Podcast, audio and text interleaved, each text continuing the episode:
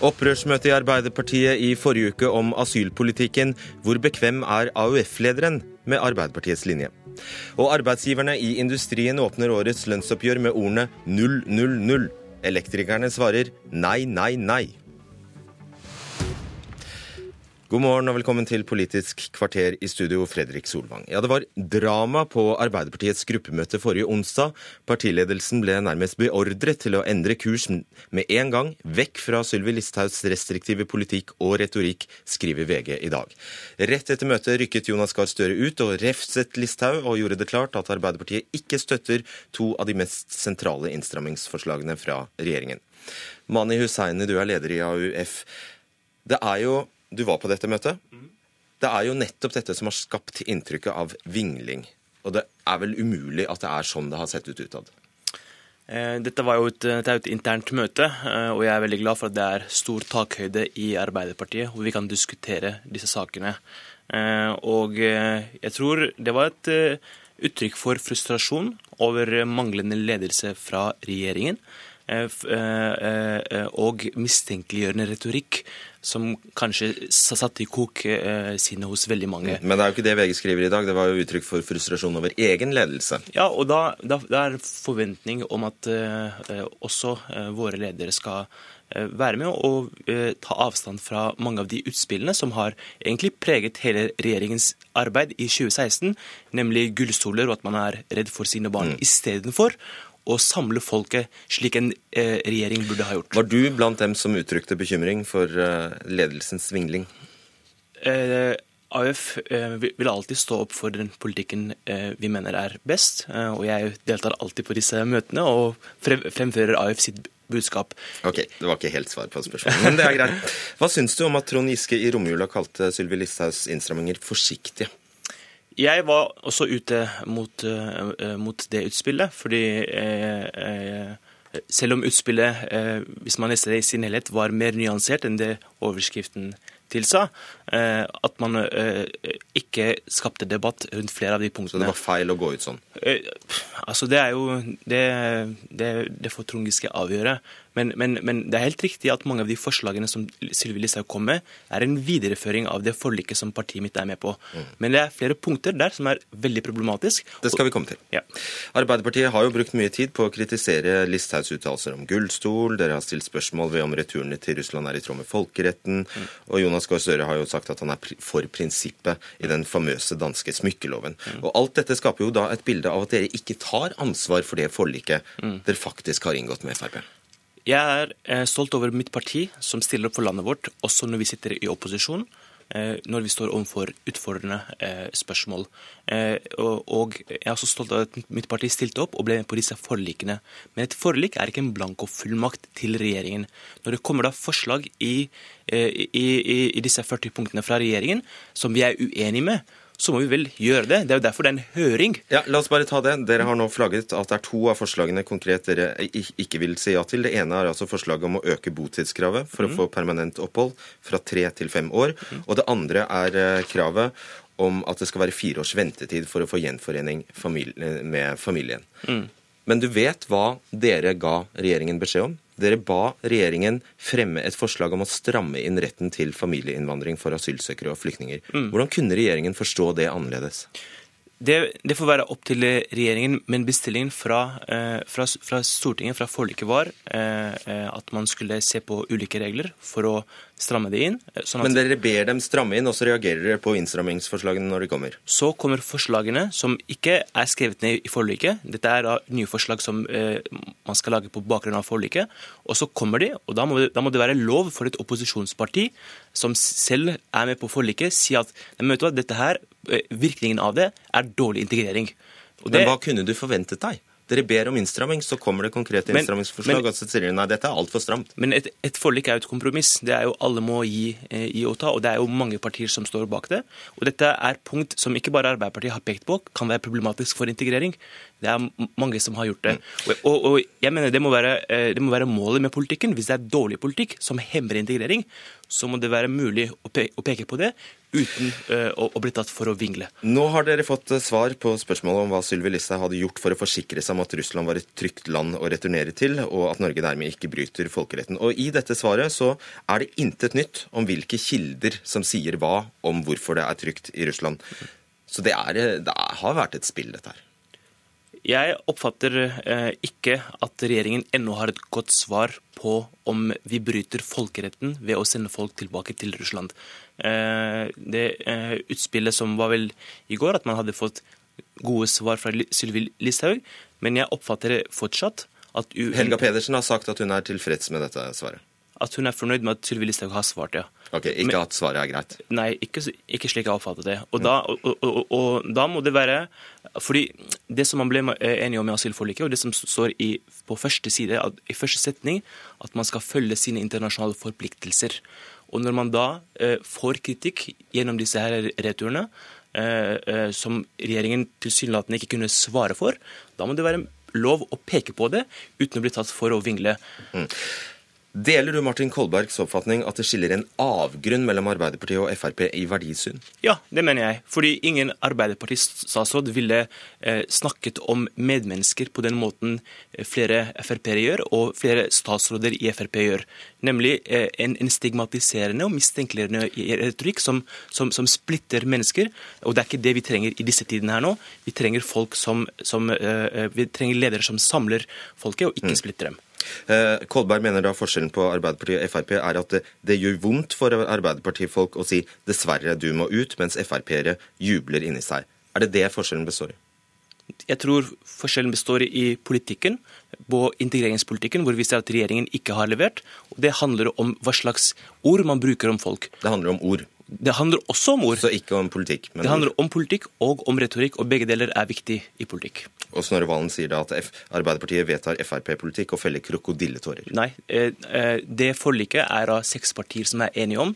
SV får, får stå alene og ikke være med å bestemme. Det er deres eh, ansvar. Men jeg er stolt over mitt parti, som alltid stiller opp for landet vårt. Men at, at det finnes punkter som man er uenige om, det er ikke noen nyhet. Det er ingen nyhet. Takk skal du ha, Mani Hussein.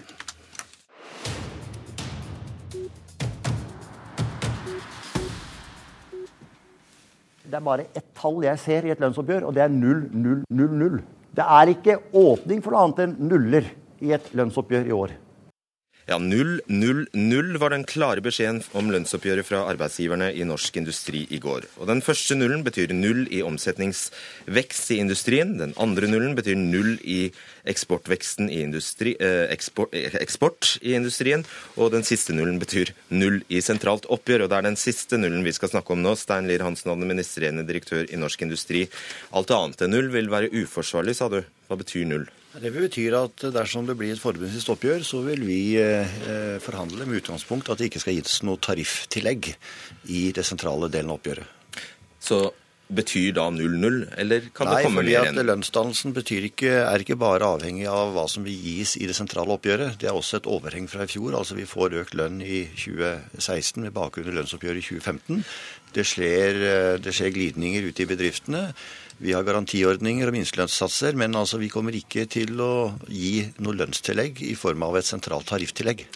Kan null bety reallønnsnedgang for store yrkesgrupper i 2016? Det kan det bety. Og det vil da være brudd på at altså Faktum er at vi har hatt reallønnsvekst sammenhengende siden slutten av 80-tallet. Så det betyr jo ikke at ikke folk har kjøpekraft. Jan Olav Andersen, du er forbundsleder i LO-forbundet L og IT, og du representerer fagarbeidere og ingeniører innen bransjer som kraftverk, IKT og energi, bl.a. elektrikere. Kan du leve med null? Nei, det er to ting som er sikkert når vi er på vei inn i et lønnsoppgjør. Det ene er at fagbevegelsen helt klart vil ta samfunnsansvar og legge situasjonen, økonomisk situasjon til grunn. Og det andre som er helt sikkert, er at Stein Lier Hansen sier null. Eh, det første kommer til å skje. Eh, fagbevegelsen kommer til å ta ansvar. Det andre kommer ikke til å skje. Hvorfor ikke? Det er ganske mange uløste oppgaver i et, lønnsoppgjør. I et lønnsoppgjør. Det er alltid nødvendig å ha penger, en ramme som inneholder penger. Hvordan man disponerer hvor stor den er, er et forhandlingsspørsmål, men å tro at uh, man mer eller mindre kan avlyse dette lønnsoppgjøret og surfe på et overheng, det tror jeg er litt realistisk. La meg omformulere spørsmålet. Kan du leve med reallønnsnedgang? Vi skal gjøre alt vi kan for å hindre at det skjer. Kan du leve med det? Ja. Nei, altså mine medlemmer har forventninger om noe helt annet enn reallønnsnedgang. Å opprettholde kjøpekraft er et helt sentralt uh, minimumsnivå i, i, inngangen til et lønnsoppgjør. Og da Jeg tolker deg eh, slik, Lier Hansen, at du mener det faktisk vil være en fordel om vi for første gang på 20 år opplever svekket kjøpekraft her i landet? Altså, poenget mitt er at uh, de som har jobb, de vil uansett ha god nok kjøpekraft. Lønnsoppgjøret i dreier seg om å sikre at færrest mulig mister jobben. Og vi er altså i en alvorlig situasjon. Den største eh, industrien vi har, går nå i motvind. Og da må vi ta et kollektivt ansvar for å få tilbake konkurransekrafta. Og da bidrar vi til at færrest mulig mister jobben, og det er det som er viktig. Og der ligger jo en, eh, Vi må bare formode at det blir eh, et såkalt frontfag i år. Altså at forbundene skal, skal forhandle for seg, og at industrien går foran. Og Da betyr det at han setter ramma du har å forholde, forholde, deg til. I en situasjon der økonomien er så delt, Andersen, at det går bra noen steder og ikke bra noen andre steder, er det rettferdig da at du skal holde deg innenfor en smal ramme? Altså, Vi har en lang tradisjon for å ha solidariske lønnsoppgjør der man legger egne ting til grunn. Nå er ikke bildet innad i industrien heller entydig i Norge. Det Deler av industrien går bra, store deler går dårlig, som Stein sier, det er helt riktig. slik at Da bakteppet er ikke vi så veldig uenige om. Konsekvensene av det bakteppet er vi nok noe mer uenige om.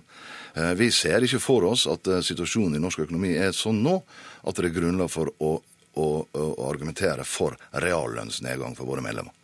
Lier Hansen, store, deler, store grupper har jo ikke lokal forhandlingsrett. Du sier null i sentralt oppgjør. Hva med dem, da? Poenget er at også de gruppene vil få lønnsvekst gjennom overhenget fra i fjor. Nå kan ikke jeg si hvor høyt det blir, for vi får ikke de tallene. Og overheng er altså det som ja. man trekker med seg fra fjoråret av ja, lønnsvekst? og det vet jeg ikke hva det blir, for det er teknisk beregningsutvalg som gir oss det tallet i slutten av februar. Og så skjer det også ulike typer glidninger lokalt, selv om det ikke er lokale øh, lønnsforhandlinger. Men poenget mitt er at nå må vi være, altså vi må være solidariske nå, fordi at det, det er utrolig mange mennesker som vil miste jobben. Og lønnsdannelsen er ett element som avgjør om flere enn nødvendig faktisk mister jobben. Og det er ikke sånn at vi har dårlig lønn i Norge. Vi har en enorm høy kjøpekraft i Norge, uavhengig om vi ikke får reallønnsvekst i 2016. Pluss at Norge taper mye penger nå. Lav oljepris skaper nå en mye mindre inntekt til staten, og oljeformuen er i ferd med å, å, på en måte bli mye mindre enn det som er forutsatt. Andersen, det er mange skyer på horisonten her. Det er helt riktig, men det, hvis man skulle nå akseptere det premisset at vi er på, i en slags krisesituasjon, så er det heller ikke åpenbart at redusert kjøpekraft er et bra virkemiddel, og vil kanskje også forsterke krisene. Hvis du tar det fra eh, folk kjøpekraft, ja, så reduserer du også den innenlandske etterspørselen. og du kan forsterke... Så slutter de å pusse opp, de slutter å ja, bruke elektrikere og slutter å kjøpe sko. de tendensene så det skjer, så jeg syns heller ikke nødvendigvis at det er den rette oppskrifta i de tidene som Stein beskriver. Dere, eh, Lier Hansen, har jo holdt på å gi eh, en del yrkesgrupper i industrien som ingeniører og sivilingeniører eventyrlige lønnstillegg de siste, de siste åra. Dere har jo bidratt til at dette nå blir ekstra vondt. Ja, altså Vi har ikke vært tøffe nok i lønnsforhandlingene gjennom mange år. og Det har riktig ført til at eh, en del grupper har fått en altfor høy lønnsvekst. Men det er jo ikke noe argument for at ikke vi nå må ta til vettet. Altså, Det betyr jo bare at vi nå må da ta til vettet. Og det å ta til vettet nå, det betyr sterk moderasjon, og det betyr altså null i sentrale tarifftillegg. Syns du Andersen han har en del av ansvaret her? Ja, det er klart at uh, Vi har jo alltid hatt fokus på, på ulikhetsutviklinga mellom ledere og andre i, i inngangen til tariffoppgjøret. Arbeidsgiversida har nok vært mer opptatt av å holde igjen på arbeidstakerne sine lønninger enn på lederlønningene. Det er jo ikke noe nytt i bildet. Eksempel. I fjor endte altså lønnsoppgjøret på 2,7 Lier Hansen. Kan du leve med et slikt resultat i år? Nei, overhodet ikke. Hvor langt ned må du? Ja, Det vil jeg ikke si nå, for jeg vet ikke hva som på en måte er overhenget. Men jeg vil jobbe altså for at vi ikke gir noe eh, sentralt tarifftillegg. Altså at det blir null i det sentrale oppgjøret. Hva tror du? Nei, Jeg vil ikke spå om det utfallet. Vi er midt i en prosess nå der vi diskuterer inngangen i oppgjøret fra LOs side i hvert fall, og, og, har ikke formulert kravene. Men, men jeg kan si sånn, så mye at vi kommer i hvert fall til å slåss hardt for å sikre at folk opprettholder kjøpekraft, og at ikke vi får en reallønnsnedgang for noen gruppe. Hvor sannsynlig er det da at årets oppgjør ender med at nordmenn for eh, første gang eh, faktisk får svekket kjøp, kjøpekraft? Lite sannsynlig. Det er ikke første gangen. Vi hadde også det på slutten av 80-tallet. Ja, for første gang på 20 år eller noe sånt noe. Ok, vi får bare vente og se. Lønnsoppgjøret er i gang aldeles straks. Takk skal dere ha, Stein Lier Hansen og Jan Olav Andersen. Et politisk kvarter går fort. I studio, Fredrik Solvang.